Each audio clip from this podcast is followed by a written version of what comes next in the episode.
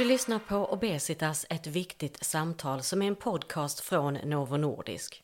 Jag heter Susanna Damic och idag ska jag träffa Mattias Fredriksson som är enhetschef på Socialstyrelsen. Han har varit delaktig i att ta fram nya nationella riktlinjer för vård av obesitas som publicerades tidigare i år. Men vad innebär nya riktlinjer för vårdpersonal och vilken betydelse har det för personer som lever med sjukdomen obesitas? Det och mycket mer ska jag fråga Mattias nu.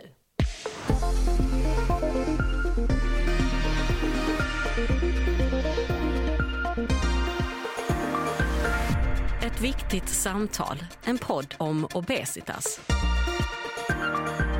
Det händer ju ingenting. Jag tränar och tränar. Det här klassas som en sjukdom precis som alla andra.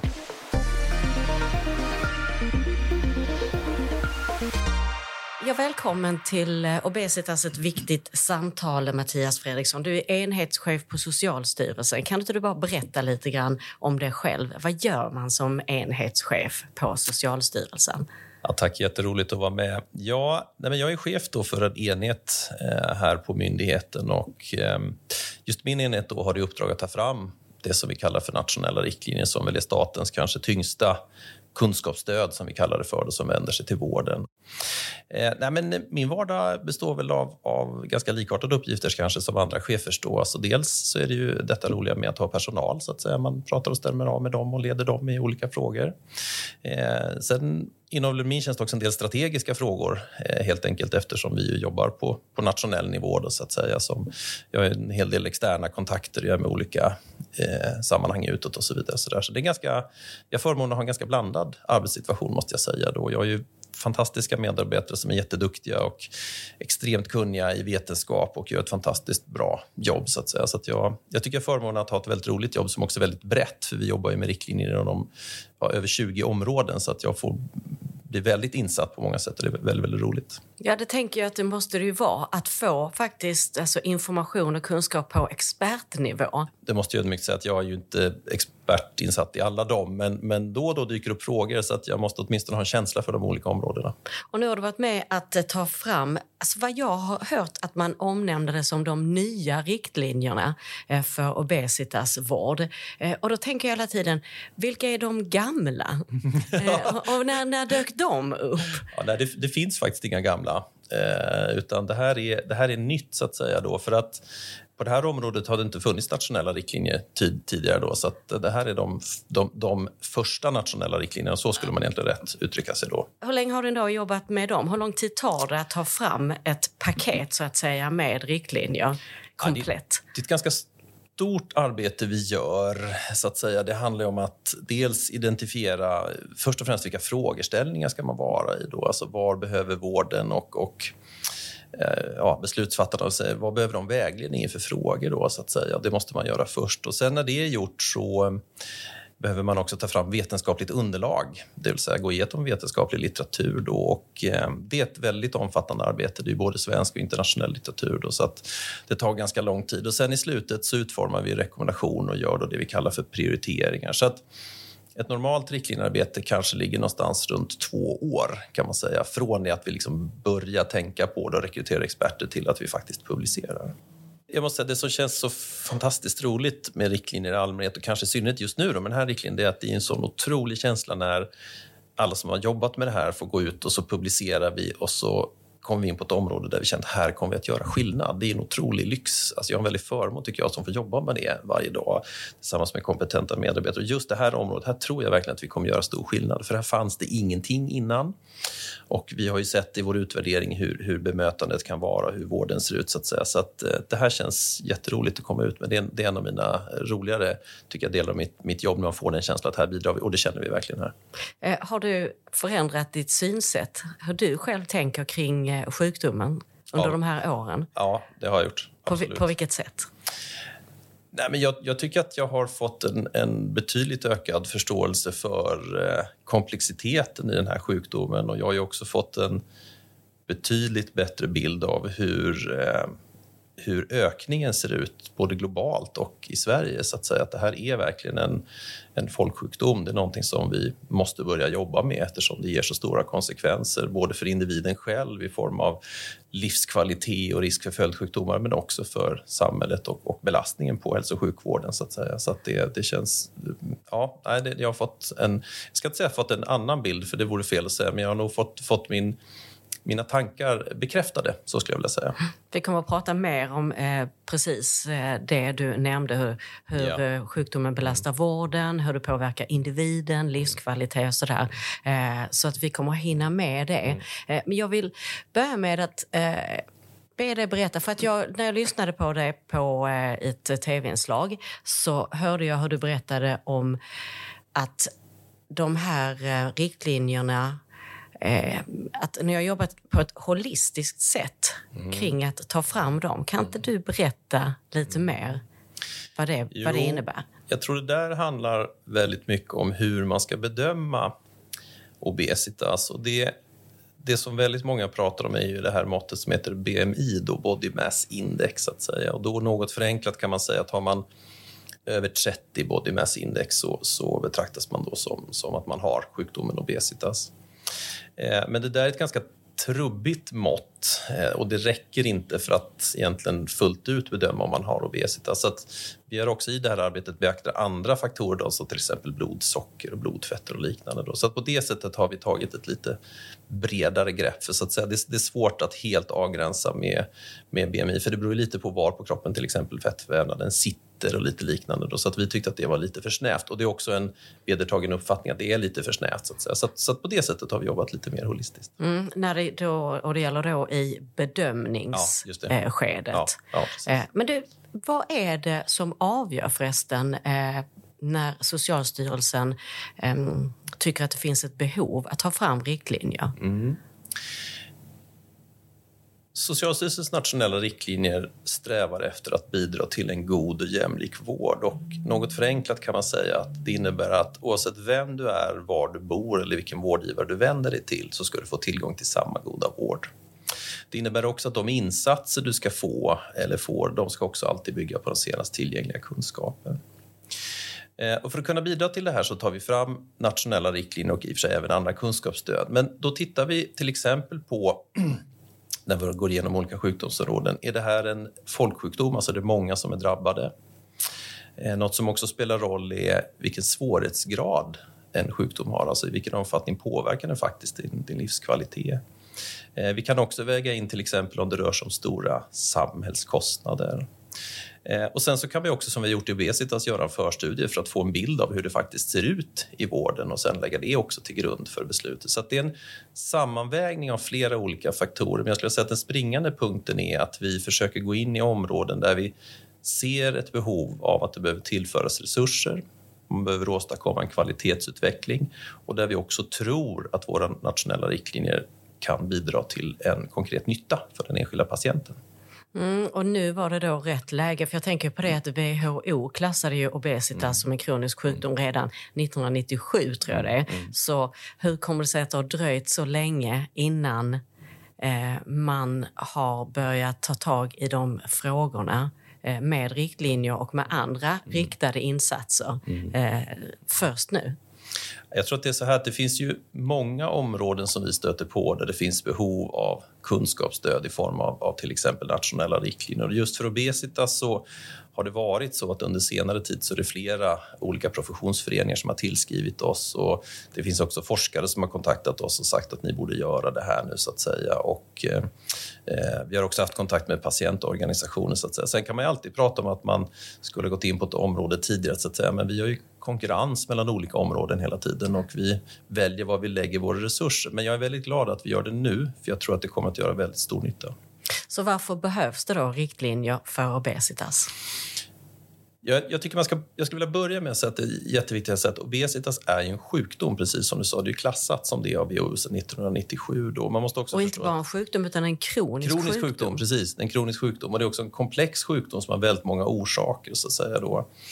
Och om man tittar på, på både global och, och, och liksom svensk nivå så ser vi att förekomsten av obesitas har ju ökat väldigt kraftigt. Vi har jämfört med 80-talet så har vi ungefär fem gånger fler barn med obesitas idag och tre gånger mer vuxna med obesitas. Och totalt är det ungefär 1,4 miljoner då barn och vuxna som har obesitas i, i Sverige idag. Eh, obesitas är precis som vi är inne på en svår sjukdom som ju kraftigt påverkar livskvaliteten för den enskilde. Det finns väldigt mycket stigma kopplat till det och så vidare som vi kan gå in på också. Eh, och sen kunde vi då konstatera när vi gjorde en förstudie att det här är en underbehandlad sjukdom i Sverige. helt enkelt. Och det ser inte alls lika ut över landet. Du får inte alls samma vård om du vänder dig till sjukvården i olika delar. I vissa delar av landet får du till och med betala själv om du vill ha en obesitaskirurgi till exempel. Då. Eh, så att vår förhoppning är ju att den här riktlinjen ska så att säga rycka fram det här området ganska rejält. Och det är väl två saker som kanske är extra viktiga. Det ena är att vårdens kunskap om obesitas ska öka så att man bemöts på ett bra sätt och att, att man också försöker i vården fånga upp personer som har obesitas. Alltså och det andra är ju att man får ett strukturerat omhändertagande där det finns då så att säga en, en organisering i vården för allt från att identifiera, diagnostisera, behandla och följa upp. Och det som känns oerhört viktigt att säga det är att, att, det är viktigt att man får en diagnos när man har obesitas så man också kan få sin behandling då. Så, att, så att det finns många skäl, tänker jag, egentligen till att vi eh, tog fram den här och vi hoppas att den ska kunna påverka också på många olika sätt. Du var inne på det nu, hörde jag, för att det är ju eh, framförallt tre områden som ni har eh, fokuserat på. Du svischade förbi dem här. Mm. Kan inte du bara stanna upp vid vart och ett och bara berätta lite mer om dem? Vad det innebär? Jo, men absolut. Ehm, alltså det första är ju att vi vill ha ett, det vi kallar för då, det var det vi var inne på, strukturerat omhändertagande. Det vill säga att vården har en organisation för att identifiera. Vi, vi skriver till exempel att man bör erbjuda att man, man, väger och mäter enskilda personer som är i kontakt med vården. Och det här kan uppfattas som en liten kontroversiell rekommendation, så där, men hur känns det för folk och kan inte det vara problematiskt? Men här känner vi oss trygga i att man måste fånga upp det här i tidigt skede för det är så viktigt att få behandling för det påverkar de här personernas livskvalitet så väldigt tydligt. Då. Eh, den andra delen som jag var inne på är ju att eh, det här med kunskap. Vi kan konstatera att det saknas kunskap i vården till stora delar om obesitas. Då. Och, eh, det gör att personer med obesitas inte alltid bemöts på ett rätt sätt. Och det leder i sin tur till att man kanske inte söker vård. Och det gör ju att obesitas sjukdomen kan förvärras. Det kanske till och med så illa så att man väljer att inte söka vård heller för andra sjukdomar. För vi vet också att vården är inte anpassad för personer med obesitas. Till exempel vågar eller rullstol eller den här manschetten man har på sig när man tar blodtryck. Så att säga. Och det är väldigt allvarligt för då förvärras ju andra sjukdomar då. Och sen det tredje spåret tycker jag man kan prata om det är att man får då de här evidensbaserade insatserna i form av levnadsvanebehandling, läkemedel och eh, eh, kirurgi som vi föreslår i riktlinjen. Eh, och om vi då tänker på de här riktlinjerna, eh, vad är det då tänkt att till exempel, på vilket sätt kan de då hjälpa vården? Ja, nationella riktlinjer är ju framför allt ett stöd som vänder sig till dem som något förenklat sitter på plånboken. Alltså vi vill att man ska skjuta till resurser till det här området och specifikt då inom de områden vi föreslår. Och det är regionerna då? Det är regionerna, ja precis. Eh, och det vi gör är att komma med rekommendationer som innehåller prioriteringar. Något förenklat så är varje rekommendation har en siffra kopplat till sig mellan 1 och 10. Och det vi gör är att vi väger samman sjukdomens svårighetsgrad med behandlingens nytta och effekt med eh, det hälsoekonomiska utfallet och sen får man ut en siffra från 1 till 10. Om en rekommendation får siffra nummer 1 då innebär det att det här är en bra behandling till en ganska svår sjukdom till en ganska rimlig kostnad. Det här bör man lägga resurser på. Om man istället får rekommendationen 10, då är det en signal att det här är kanske en ganska dyr behandling som kanske inte är så jättebra egentligen. Då bör man inte ge den annat än i undantagsfall. Så att Riktlinjerna handlar om rekommendationer på gruppnivå. Vi vill helt enkelt att vårdgivarna skjuter till resurser enligt våra prioriteringar. Här vet man att man får mycket för pengarna. Då vet vi också att varje skattekrona ger så mycket hälsa som möjligt. Och vi vet att patientgruppen får de bästa tänkbara insatserna. Så att så är det tänkt att stödja. Och vem ser då till att vårdpersonal får det stöd som de behöver? Mm. Ja, det, det, är ju vårdgivarnas ansvar att i och med att du tillsätter resurser, om vi tar till exempel rekommendation om utbildning som vi har med här, som har en hög prioritering, då vill ju vi att, att vården ser till att det tillsätts resurser för det. Sen går inte vi in på hur det ska göras, utan det får varje region avgöra själv. Men tanken är ju där att det viktiga med riktlinjen är att det tillförs resurser så att det utbildas. Sen får varje region utforma det på eget sätt. Men det kanske innebär att man tar personer som är experter på obesitas som då får utbilda andra delar av vården om vad obesitas innebär, hur man bör bemöta de patienterna och så vidare. Då. Men, men vården har ju upparbetat olika implementeringskanaler och arbetssätt för att få ut kunskap också till personalen. och Det, det brukar också tillämpas för riktlinjerna.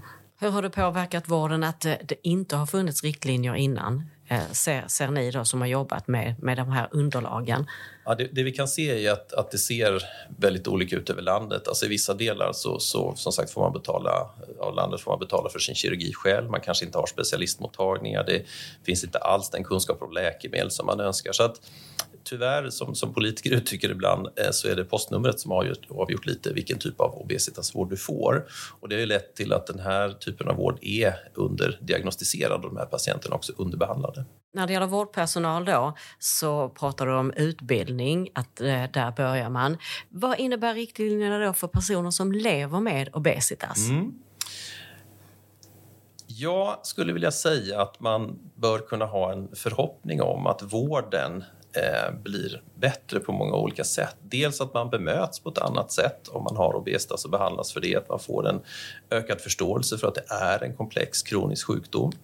Dels att man får då tillgång till behandling som idag inte finns då i alla delar av Sverige och att man också slipper betala för den själv. Så att förhoppningen är ju att vården ska jobba lite mer som en helhet i relation till de här patienterna så att man känner att när jag kommer med eh, ja, det som jag upplever i obesitas, då får jag ett bra bemötande, jag får den vård jag behöver, jag får uppföljning, vilket ju gör att jag kan få ett bättre liv helt enkelt. Alltså jag kanske kan eh, komma till en bättre situation med min obesitas där det påverkar min livskvalitet mindre och jag får minskad risk för andra följdsjukdomar. Så att jag tror och hoppas att patienter kommer att märka skillnad av att de här riktlinjerna är på plats. Du pratar om livskvalitet nu och eh, ändrade levnadsförhållanden. För nytillkomna lyssnare, kan du berätta vad obesitas är? Absolut. Obesitas i grunden handlar om en, en långvarig obalans i energiintaget. Helt enkelt så, så, får man i mer energi i kroppen än vad som faktiskt förbrukas.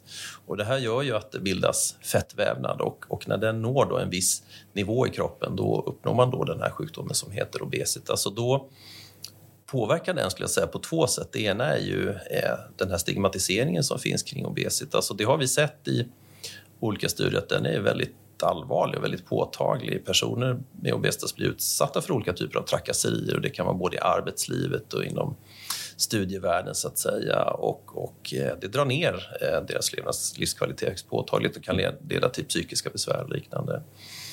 Och det här ser vi faktiskt också hos barn.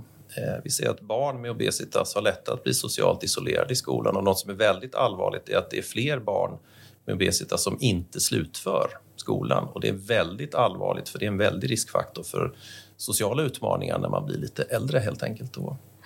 Och sen så är det ju att obesitas är också väldigt tydligt kopplat till andra sjukdomar, hjärt-kärl, eh, diabetes, cancer för att nämna några. Så att det finns eh, ja, obesitas på, påverkar verkligen för de patienterna som har det på väldigt många olika sätt. Och eh, som vi pratade om här tidigare så eh, riktlinjerna handlar ju om vård för personer som lever med mm. obesitas. Eh, det gäller ju inte alla som är som räknas som överviktiga. Nej. Berätta om skillnaden. Var går gränsen mm. för, eh, för mm. sjukdomen och hur avgör man vem som ska få hjälp? Mm. mm.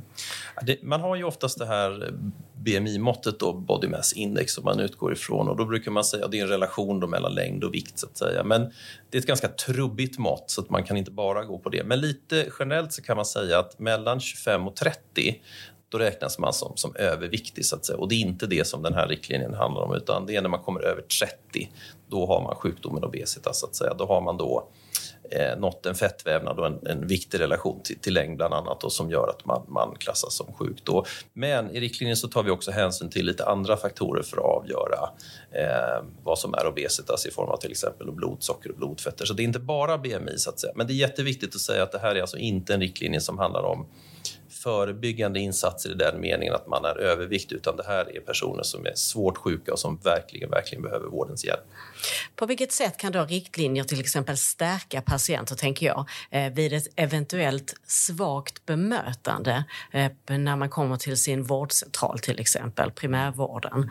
Eh, det är ju, även om riktlinjerna i sig vänder sig till vården så ska man veta att patienter kan naturligtvis också ta del av dem och vi gör alltid en, en kort sammansatt version av våra riktlinjer så att säga. Så att det finns ingenting som hindrar att man som patient eh, Eh, tar upp en dialog med sin vårdcentral eller sin läkarkontakt eller vården man träffar om riktlinjerna och dess innehåll. Sen är det viktigt att ha med sig att de är inte bindande så att säga även om de kommer från myndigheten men, men jag tycker definitivt man kan använda dem som, som ett material inför ett möte. Vi har ju också haft patientföreträdare med i arbetet som har varit med och gjort de här prioriteringarna. Så att eh, riktlinjer kan absolut göra en typ av empowerment tänker jag i mötet med vården för de här patienterna. Mm, och det handlar ju om kunskapsökning. Eh, och då tänker jag så här, hur har ni kommit fram till det? Hur kom ni fram till att det är kunskapsökning som det bör läggas en hel del resurser på? När vi gör våra riktlinjer så har vi alltid med ett antal experter som, som hjälper oss att säga, att identifiera vilka frågor som vi behöver rikta in oss på. Vi genomför också workshops och olika dialogmöten och så tar vi del av olika studier och vi gjorde också här då en förstudie som sammanställde material och den bild som framkom var väldigt tydligt att eh, det är bristande kunskap som är ett stort problem och det tycker jag kanske framför allt de experterna vi haft med i vårt arbete har vittnat om. Naturligtvis tillsammans med patientföreträdarna då, att man möts på ett ja, inte respektfullt sätt. Och det finns ju någonstans hela tiden en uppfattning i grunden att ja, men det här kan ju du styra och påverka själv. Så att säga. Det är väl bara att du ändrar din levnadslivsstil. Så att säga. Och det som många då inte förstår är att det här är en komplex sjukdom där många olika saker spelar in som genetik till exempel. Det kan finnas kulturella betingelser. Och, så att säga. Och det, så det, det, har varit rätt tydligt tycker jag i det här arbetet att kunskapen har verkligen saknats. Och det, det är en liten sorglig bild att det är så i vården, att man möts på det sättet. Och det, om jag får tycka något personligen, så skulle jag vilja säga att om jag önskar något med den här riktlinjen så är det kanske framför allt att den ändrar det förhållningssättet. Därför att alla, det är Socialstyrelsens övergripande mål, det är att alla som vänder sig till vården ska bemötas på ett bra sätt och få den vård de behöver. Jag hoppas verkligen att den här riktlinjen kan bidra till det. Jag tror precis som du säger att det viktigaste nästan av allt är ju faktiskt något som inte kostar jättemycket Nej. utan det mm. är ett, mm. ett värdigt bemötande. Ja. Ett jämlikt och rättvist bemötande. Mm, precis. Ja. Så vad är då nästa steg? Hur vet ni att eh, riktlinjerna följs? Jo, det är så att riktlinjerna är ett paket. Eh, vi tar nu fram rekommendationer som en första steg tillsammans med något som heter indikatorer och indikatorer är då ett sätt att mäta om man följer de här rekommendationerna eller inte. Och sen i riktlinjepaketet så kommer vi längre fram, jag kan inte säga exakt när i tid, men då gör vi en utvärdering helt enkelt. Vi går ut till vården och, och tar reda på, har ni följt de här rekommendationerna då? Så sammanställer vi en rapport om det. Och när den rapporten är klar, då går vi tillbaka till ritbordet och så ser vi hur ser det ut och behöver vi komplettera den här riktlinjen med någonting? Behöver vi uppdatera den? Har det tillkommit ny forskning? Och man kan också säga att den här utvärderingsrapporten i sig blir också ett stöd för regionen att implementera, för där kan vi ju peka på att i det här området har ni lyckats jättebra, men här ser det inte så jättebra ut, så här måste ni jobba mer. Så vi följer faktiskt alltid upp våra riktlinjer på det sättet och utvärderar och ser till att de här rekommendationerna implementeras. Hur lång tid tar det innan de här indikatorerna ger utslag? så att säga? När kan man börja samla in uppgifter och göra någonting av dem? Ja, det beror väldigt mycket på vad de har för det vi kallar för datakällor. så att säga. Ibland så hämtas det in via register, ibland så hämtas det in via enkäter. Så det skiljer sig ganska mycket åt i tid. Men Just nu när riktlinjen är publicerad så har vi det vi kallar för regionala seminarier med regionerna, det vill säga vi är ute och hjälper dem själva att identifiera var befinner de sig idag och vad behöver de göra för att komma till ett läge, önskat läge enligt riktlinjen. Då. Så att vi jobbar väldigt nära regionerna idag och ser till att de gör den här förflyttningen. Riktlinjerna kom ju i slutet av april. Är systemet på plats så att säga? Kan det börja, när kan det börja följas? Jag, skulle inte säga det riktigt ännu. Alltså det kräver ju säkert ute i regionerna eh, beslut på olika nivåer så att säga. Och det kan man väl ändå säga med den här riktlinjen att det är ju en del Alltså en del rekommendationer kommer att kräva en del av regionerna, så är det utan tvekan. Så att säga. Det här med kunskap är en ganska, stor, eh, ganska stort åtagande. Så att det tar säkert lite tid, så det är svårt att säga exakt i förväg. Och då kan man nog säga att när vi kommer med rekommendationer på ett område där vi kanske har en riktlinje redan, då är det ganska uppdatt, då är det ganska inarbetat, det finns en struktur, det finns ja, kanske enheter och avdelningar. Då är det ganska lätt för dem att, eh, så att säga, omsätta nya kunskaper. Men här kan det ju kräva större förändringar så att här kommer det säkert ta lite mer tid. Så det är svårt att säga det exakt. Men jag vet att regionen... Vad hoppas du på?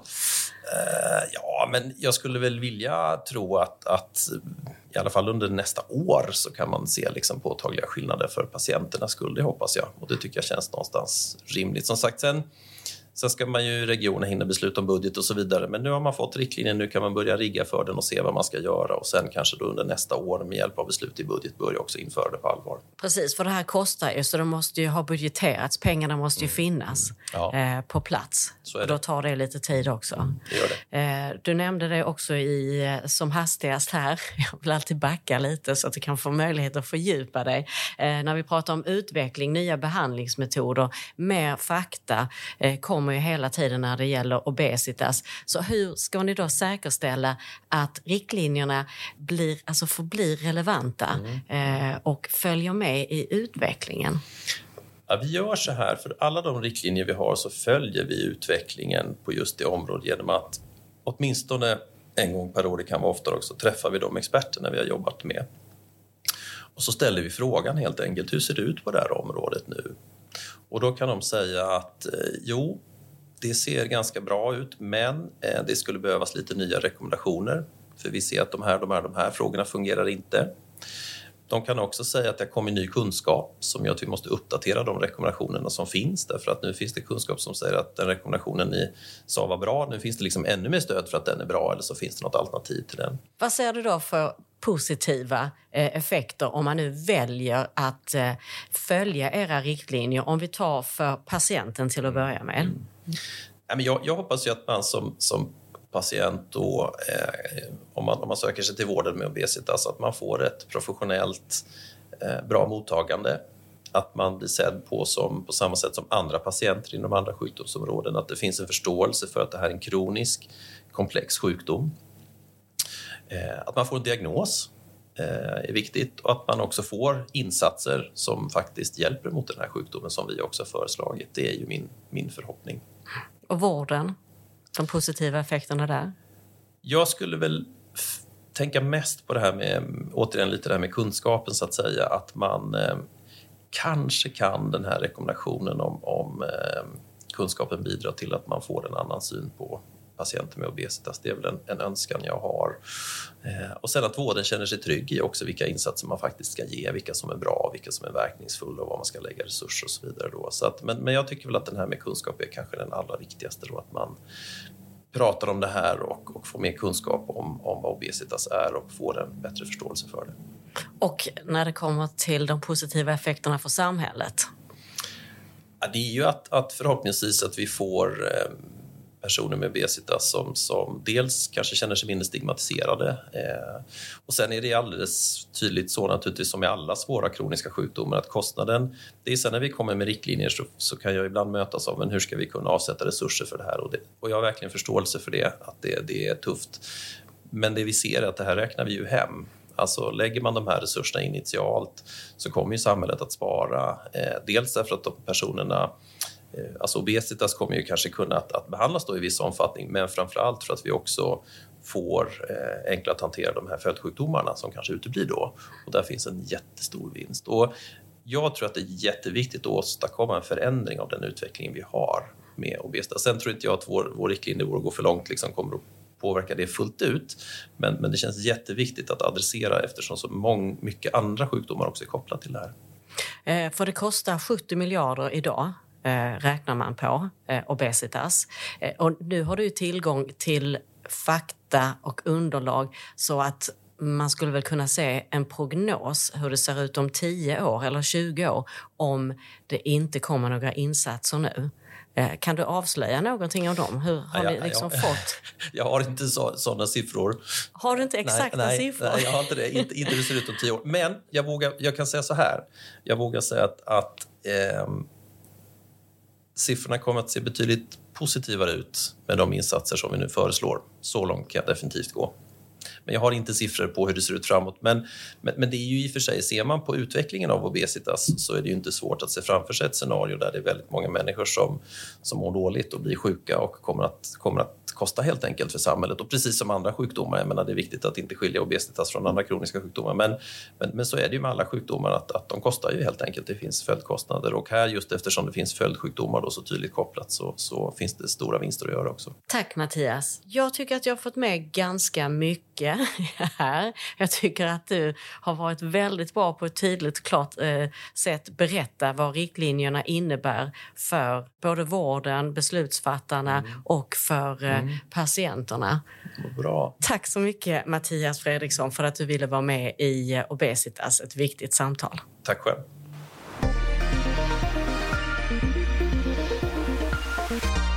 Du har lyssnat på Obesitas, ett viktigt samtal och eh, du vet väl att du kan prenumerera på den här podden. På så sätt så missar du inga avsnitt och vill du veta mer om Obesitas så gå in på faktaomvikt.se.